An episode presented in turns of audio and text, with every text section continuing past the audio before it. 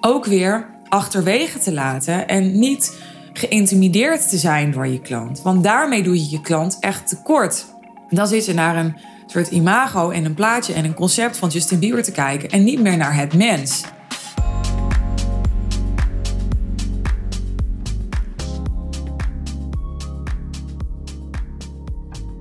Waar heb je nou rekening mee te houden als je een hoger niveau klant gaat bedienen? Dus misschien is het zover, je hebt altijd een aanbod van 15.000 euro verkocht. En nu heb je een diamond klant binnengehaald voor 35.000 euro.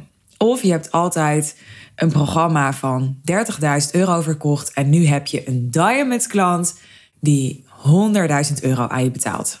Nou, voordat ik verder praat, je hoort misschien al aan mijn stem. Hij is een beetje op vakantie.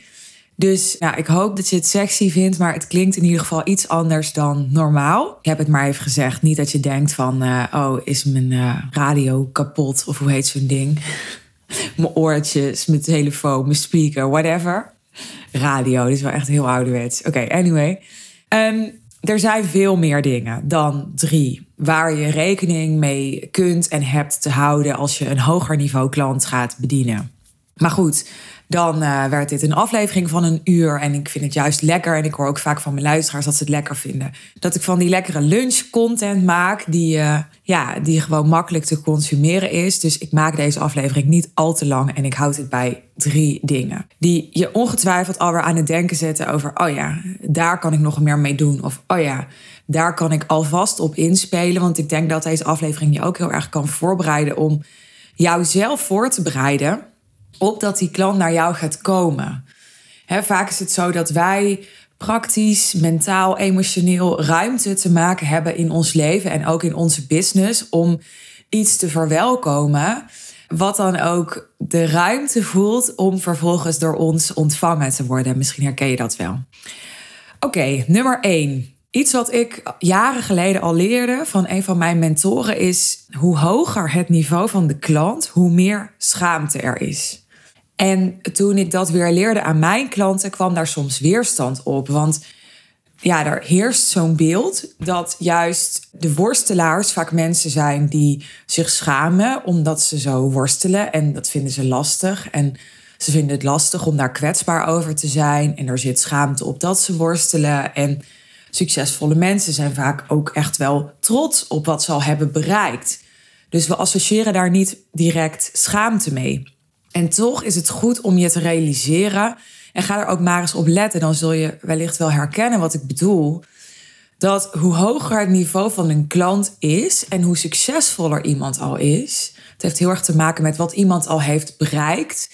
dus hoe ver iemand al is op de maatschappelijke ladder. Of op de succesladder. Hoeveel ja, aanzien, status iemand misschien al heeft. Hoe meer er op het spel staat.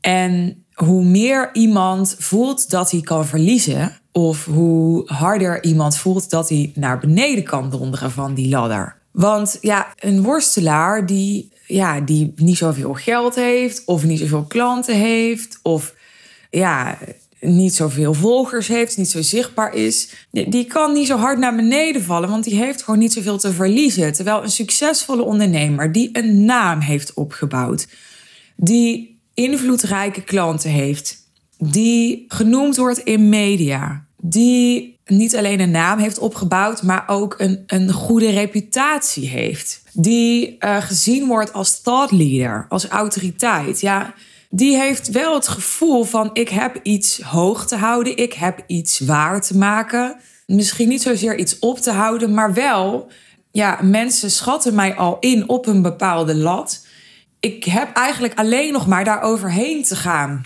En op het moment dat je daaronder komt een keer, dan stel je al teleur. Nou ja, je ziet dat ook natuurlijk bij PN'ers soms gebeuren. Ik neem een, uh, hoe heet ze ook weer, van de eierkoeken. Sonja Bakker. Ja, die, die heeft een bepaalde naam opgebouwd en die heeft succes. En, nou, en dan opeens komt naar buiten, ja, plagiaat. Nou, dat is natuurlijk veel minder een ding. En je gaat natuurlijk veel minder af publiekelijk op het moment dat je helemaal niet zo bekend bent. En dan mensen denken van je bakker, ja, who cares? dus het wordt een spektakel op het moment dat je iemand bent. Nou, dit geldt ook voor jouw klanten naarmate jij succesvollere klanten hebt. En dat, dat komt op allerlei verschillende manieren terug. En je hebt op verschillende manieren daar in jullie samenwerking rekening mee te houden. Bijvoorbeeld dat het belangrijker zal zijn met wie iemand in een groep zit, met wie iemand zich omringt.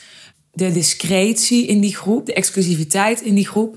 Het is lastiger voor succesvolle mensen om zich kwetsbaar op te stellen.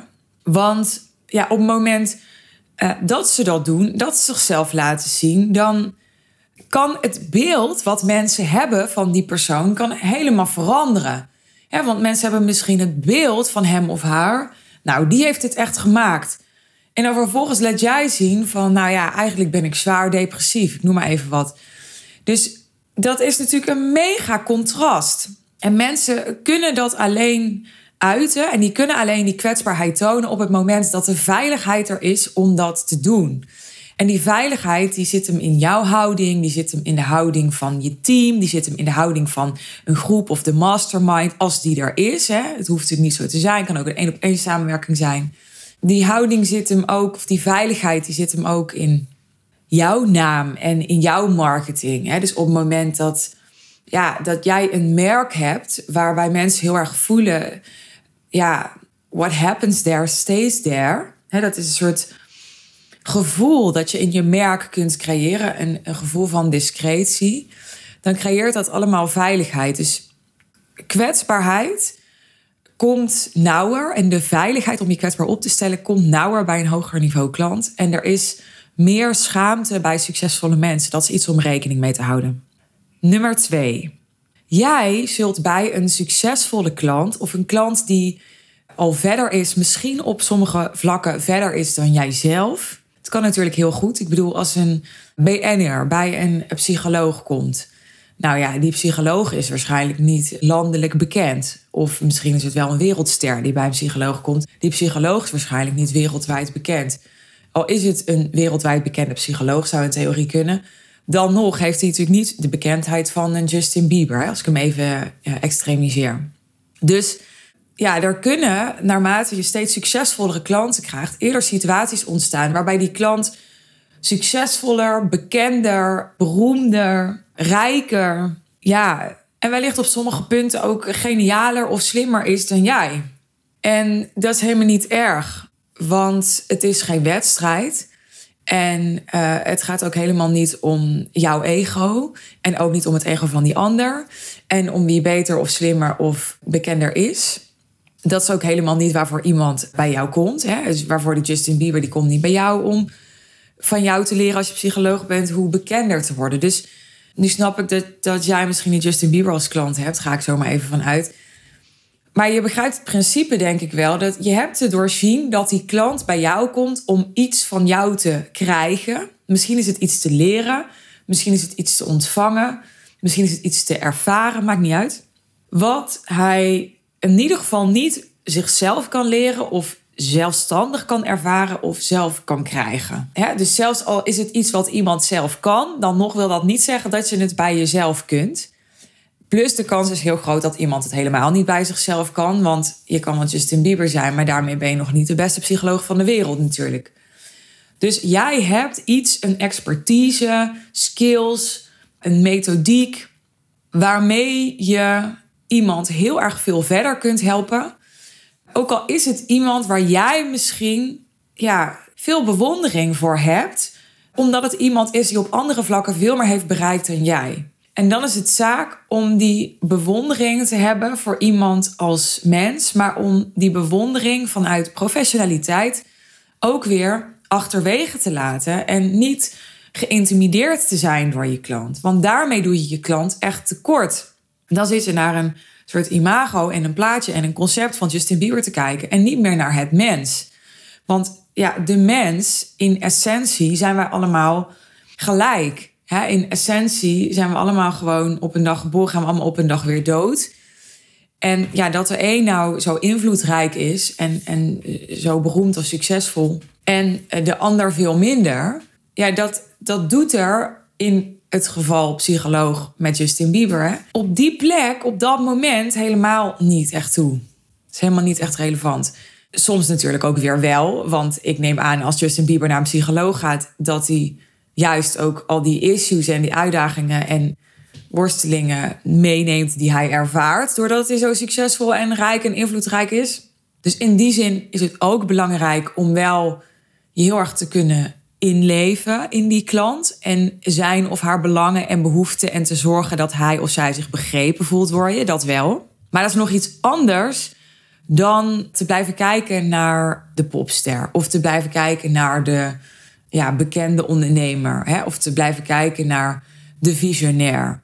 Ik denk dat het heel belangrijk is als coach of consultant in de, de coach-coachie relatie dat je iemand echt ziet en benadert als mens.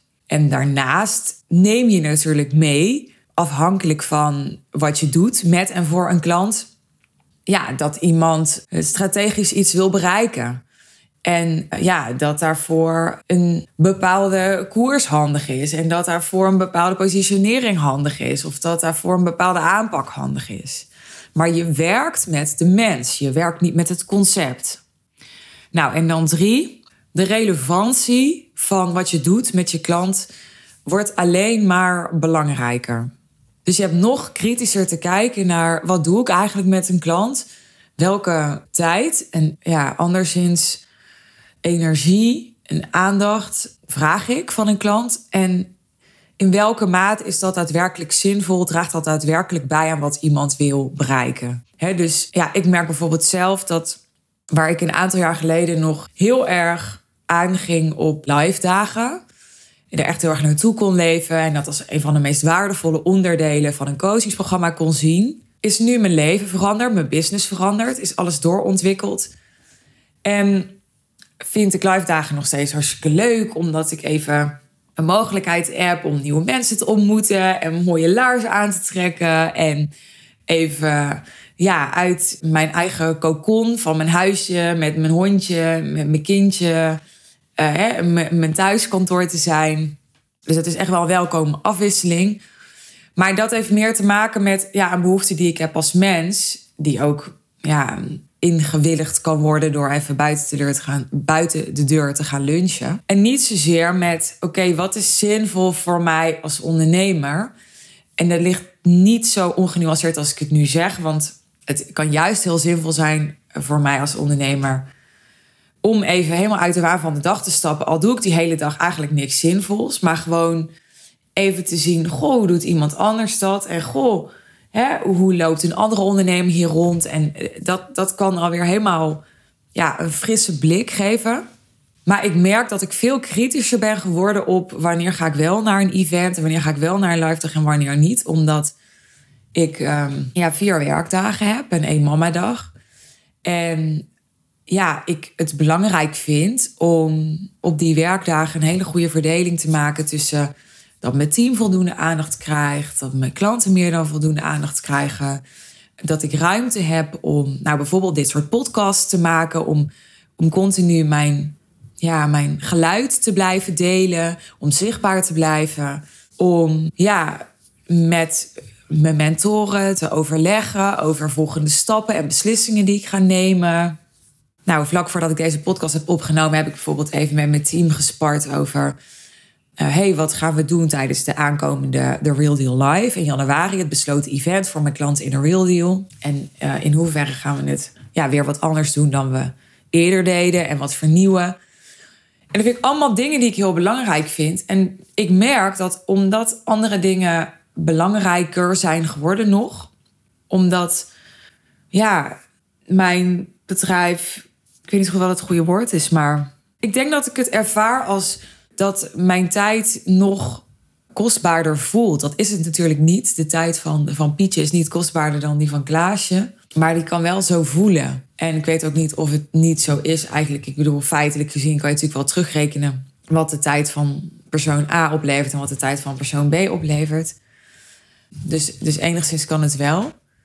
Maar ik wil maar zeggen dat ik in ieder geval bij mezelf merk, maar ook bij mijn klanten merk dat, ja, dat ze uh, niet alleen kijken naar wat kost het om daarheen te gaan in geld. Sterker nog, daar steeds minder naar kijken. Voor mijzelf is het steeds minder belangrijk geworden. Maar veel meer naar wat levert het op. Tijd geleden ben ik een traject gestart voor mijn Instagram. En ik heb toen niet eens gekeken naar wat kost het in geld. Uh, maar ik heb wel sommige meetings gewoon afgezegd, omdat ik dan in mijn agenda keek en dacht: ja, dit heeft eigenlijk nu niet mijn prioriteit. Want als ik nu deze meeting heb, dan moet ik ook kunnen implementeren wat eruit komt. En als ik eigenlijk nu mijn prioriteit ergens anders heb liggen dan mijn Instagram optimaliseren, ja, dan heeft het ook geen zin om die meeting te doen in de first place. Dus dat is wat ik bedoel. En dat is wat voor elke meer succesvolle klant geldt. Relevantie wordt nog belangrijker. Dat het kernachtig is, dat het effectief is, wordt nog belangrijker. En tegelijkertijd, nogmaals, het is niet zwart-wit, is er een tegenhanger, namelijk dat juist omdat een succesvol persoon die zijn tijd als heel kostbaar ervaart, zo gebrand kan zijn op effectief zijn, op productief zijn, op, nou, ik denk dat productief wel het goede woord is, kan het juist ook heel erg verruimend zijn voor zo iemand om te zeggen: Oké, ik haal jou even helemaal uit dat, ja, dat denkkader dat je voor jezelf hebt gecreëerd. En uh, ik drop je gewoon even een, een dag in een situatie waarvan je denkt: wat moet ik hiermee? Maar dan doe je het erom, snap je? Dus dan is het ook weer relevant. Dan is het namelijk relevant omdat je iemand even, ja, misschien wel helemaal daarmee uit zijn comfortzone wil halen. En daar dus een bedoeling mee hebt. En dat dus bewust doet. Dat waren de drie dingen die ik in deze aflevering met je wilde delen om rekening mee te houden bij een hoger niveau klant. Ik hoop dat het interessant voor je was. Wellicht was het ook herkenbaar voor je als je zelf al met een steeds hoger niveau klant bent gaan werken. Je hebt ongetwijfeld nog aanvullingen. Als je het leuk vindt om uh, die met me te delen of te reageren op wat je in deze aflevering hebt gehoord, stuur me gerust een DM op Instagram. Als je me daar nog niet volgt, je vindt mijn Instagram in de show notes. In de show notes vind je ook de sales page over ons business traject The Real Deal. Dus als je persoonlijk met mij en mijn team wilt werken om jouw hoogste ambities waar te maken als ondernemer, zonder dat je concessies doet aan wat verder belangrijk is in je leven, door je high-end te positioneren. En voor mij gaan die hoogste ambities waarmaken dan hand in hand met een zo simpel en winstgevend mogelijke business. Want dat is namelijk wat een high-end positionering voor jou mogelijk maakt. Boek dan je call met ons. Want ehm, we horen heel graag van je. We gaan graag met je in gesprek. We bespreken graag met je of ons business traject passend voor je is. Instromen in het traject kan nog tot 1 januari 2023. Daarna kun je alleen nog exclusief en één op één met mij samenwerken. In mijn nieuwe aanbod heb je daar interesse in om één op één met me samen te werken op de beste en zinvolste, meest relevante, daar is hij nog een keer, manier Boek dan ook je call via de salespage over de Real Deal. We hebben namelijk nog geen nieuwe salespage daarvoor. En dan ehm, ga ik daar graag met je over in gesprek. Dankjewel voor het luisteren. Dankjewel voor je aandacht. Heel graag tot de volgende aflevering. Ik wens je een mooie dag, avond of misschien nacht. En ehm, vergeet niet mijn podcast te volgen als je dat nog niet deed. Oké? Ciao.